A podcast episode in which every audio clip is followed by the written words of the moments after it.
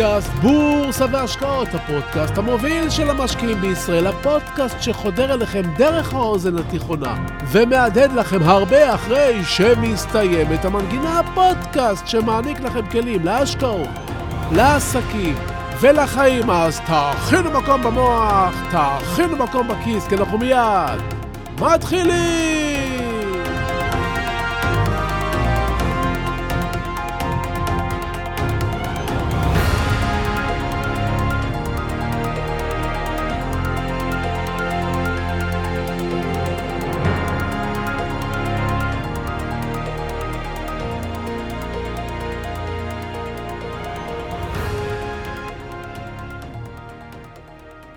אנחנו מגיעים להופעה בקיסריה של שלמה ארצי או איתי לוי, ומחכים שהמופע יתחיל.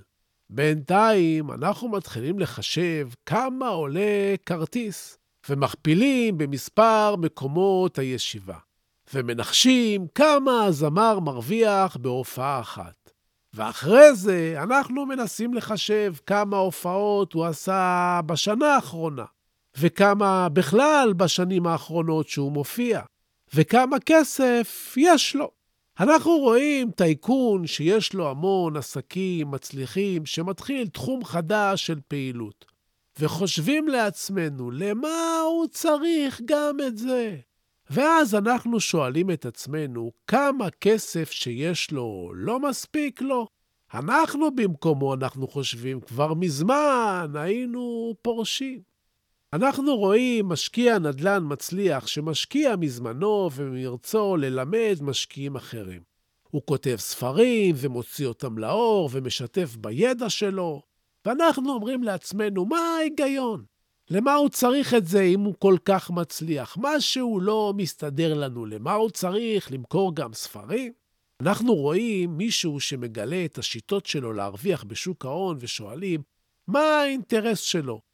הרי אנחנו במקומו היינו גורפים את הרווחים רק לעצמנו, בלי לספר את הסוד. אם הוא מרוויח באמת, למה הוא משתף אותנו?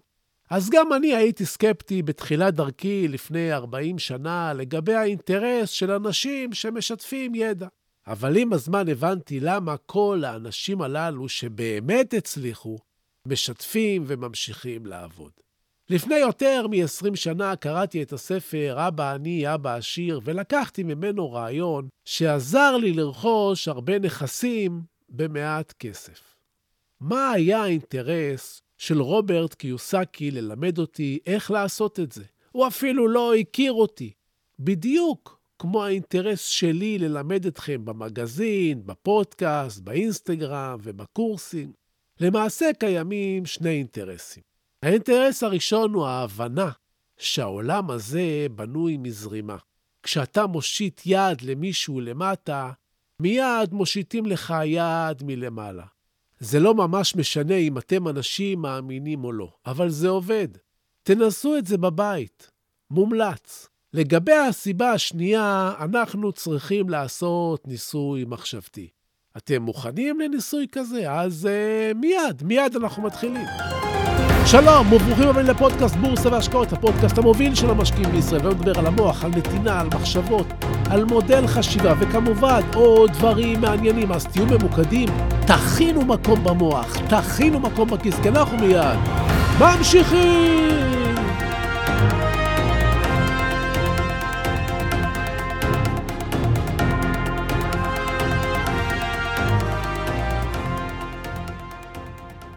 למה שלמה ארצי ממשיך לשיר? למה רוברט קיוסקי מלמד אנשים עסקים? ולמה וורן באפט כותב את סודותיו בהשקעות בעולם כה תחרותי?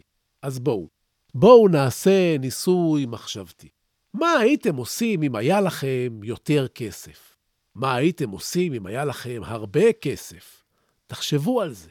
רוב האנשים הרי מניחים שאנחנו צריכים יותר כסף כדי להיות מאושרים, נכון?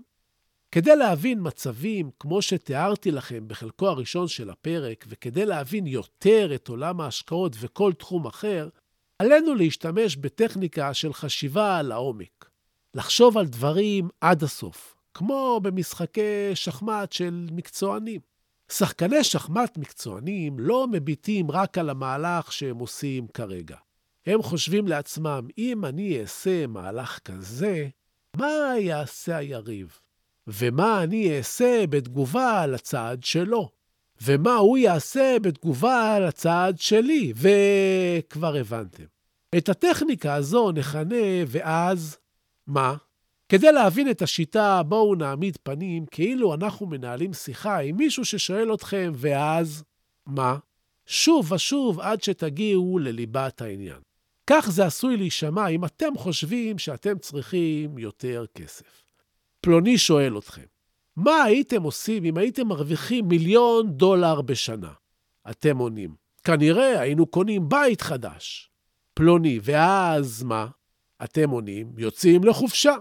פלוני, ואז מה? ואתם עונים, קונים משהו לבן הזוג או בת הזוג ולמשפחה שלנו. פלוני ממשיך, ואז מה? אתם עונים, קונים מכונית חדשה.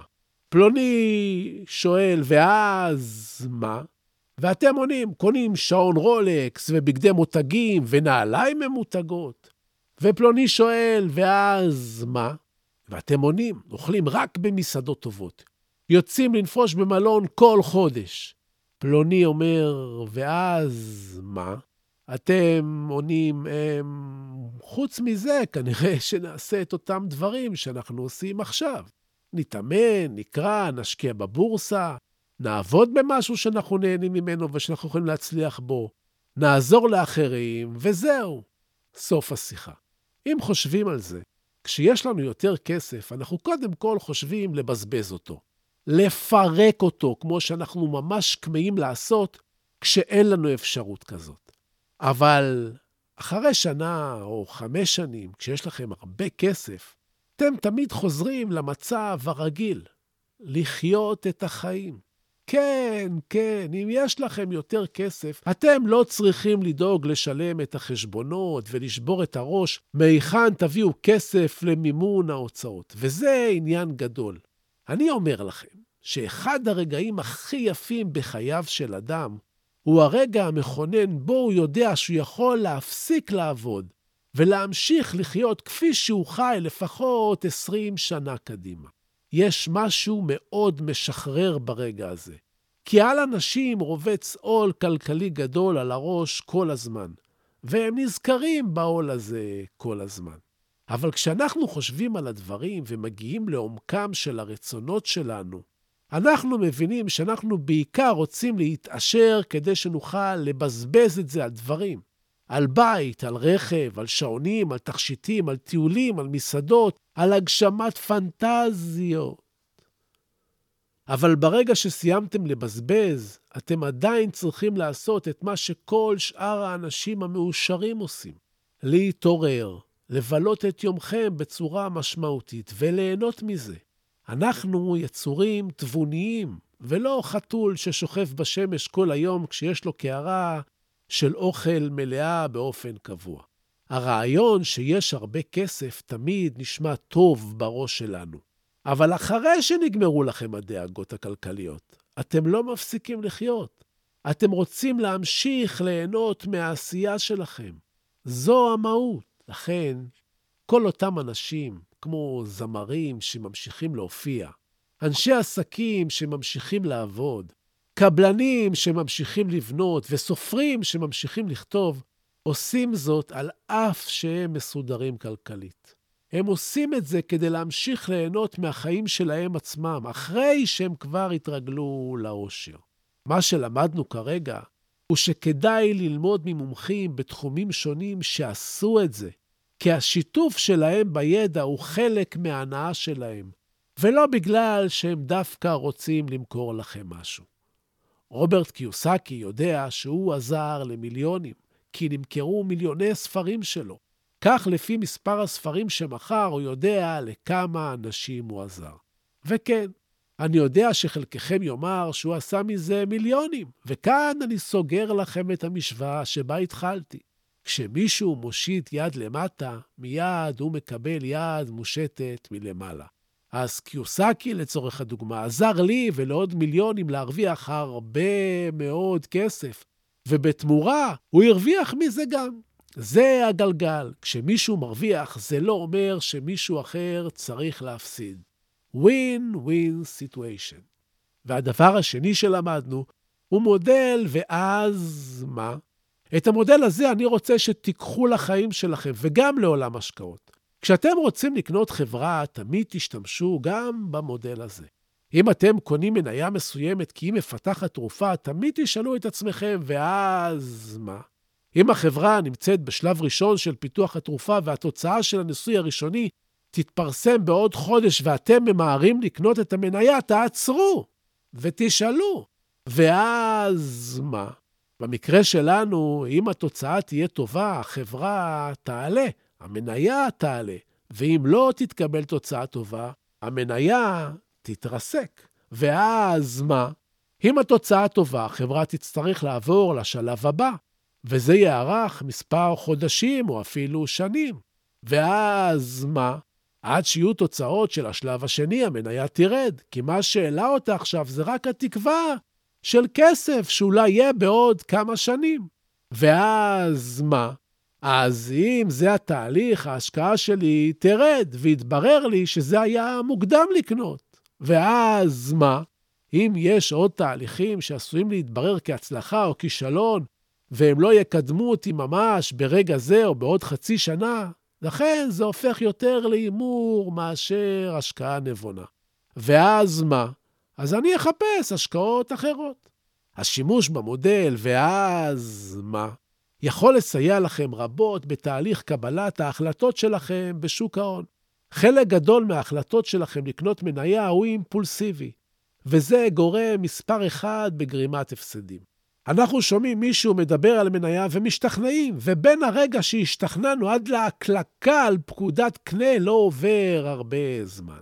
קחו ועט ותרגלו את המודל של ואז מה, ותראו שלאט-לאט תלמדו לשאול שאלות נכונות ולקבל תשובות טובות, ועם הזמן גם תשואות טובות. ועכשיו, עכשיו נעבור לפינת הטיפים שלנו.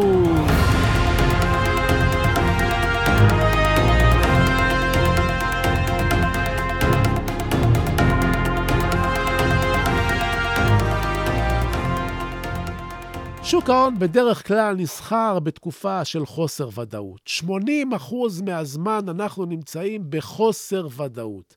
20% מהזמן בו קיימת ודאות מתחלקים לרגעים בהם השוק עולה ועולה ועולה, או יורד ויורד ויורד. בשאר הזמן אנחנו בחוסר ודאות ממה שיהיה. כי גם בשוק עולה וגם בשוק יורד אנחנו לא בטוחים אם העלייה או הירידה הסתיימה. לכן, הדבר היחיד שיכול להעניק לנו ביטחון בשוק עולה, בשוק יורד ובכל תקופה של אי-ודאות, זו חברה טובה. אם יש לכם עסק טוב שמרוויח כסף לאורך זמן, לא משנה לכם אם יש גשם או שמש. העסק ימשיך לעבוד ולהרוויח, והמניה שלו בסופו של דבר תשקף את זה. חפשו תמיד מניות של חברות שהן עסקים מעולים, ככה תהיו בוודאות בעולם של חוסר ודאות תמידי.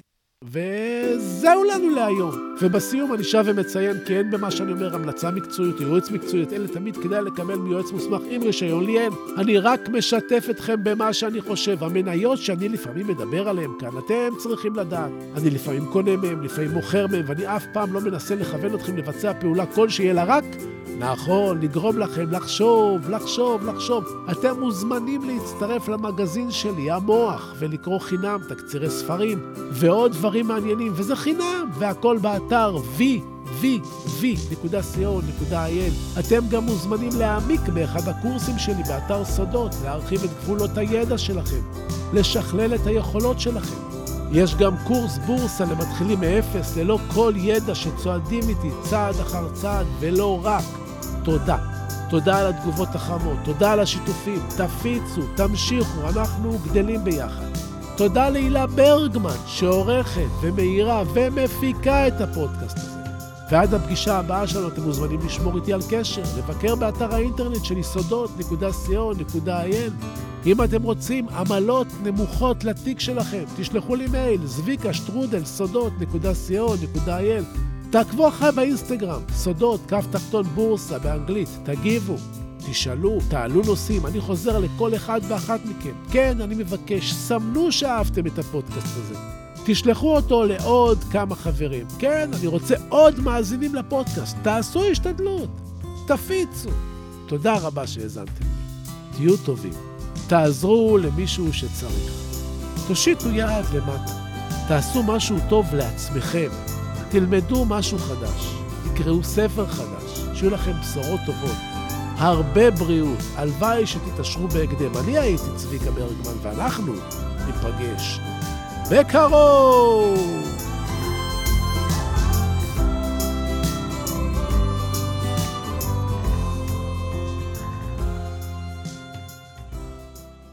נאום ההכתרה של נלסון מנדלה.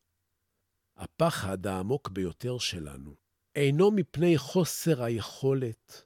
הפחד העמוק ביותר שלנו היא הידיעה שעוצמתנו אינה ניתנת למדידה. האור ולא הצל, האפל שבנו, הוא שמעורר בנו חרדות. כל אחד מאיתנו שואל את עצמו, מי אני שאוכל להרשות לעצמי להיות כל כך מבריק, מקסים, מוכשר ומאושר? למעשה, מי אתה שתרשה לעצמך לא להיות כזה? אנחנו ילדים של אלוהים. כשאנחנו בוחרים לשחק את המשחק הקטן, אנחנו לא משרתים את העולם. אין שום דבר נאור או מואר בצמצום האישיות שלנו, רק כדי שאנשים ירגישו נוח בחברתנו. נולדנו כדי לממש את הקסם האלוהי הגדול בנו, הוא לא גלום רק בחלק מאיתנו. כל אחד מאיתנו נושא את הקסם הזה בתוכו. כאשר אנו מרשים לאור הפנימי שלנו לזרוח באופן בלתי מודע, אנו מאפשרים לאחרים לעשות את אותו דבר כאשר אנו משתחררים מהפחדים שלנו. הנוכחות שלנו משחררת אחרים.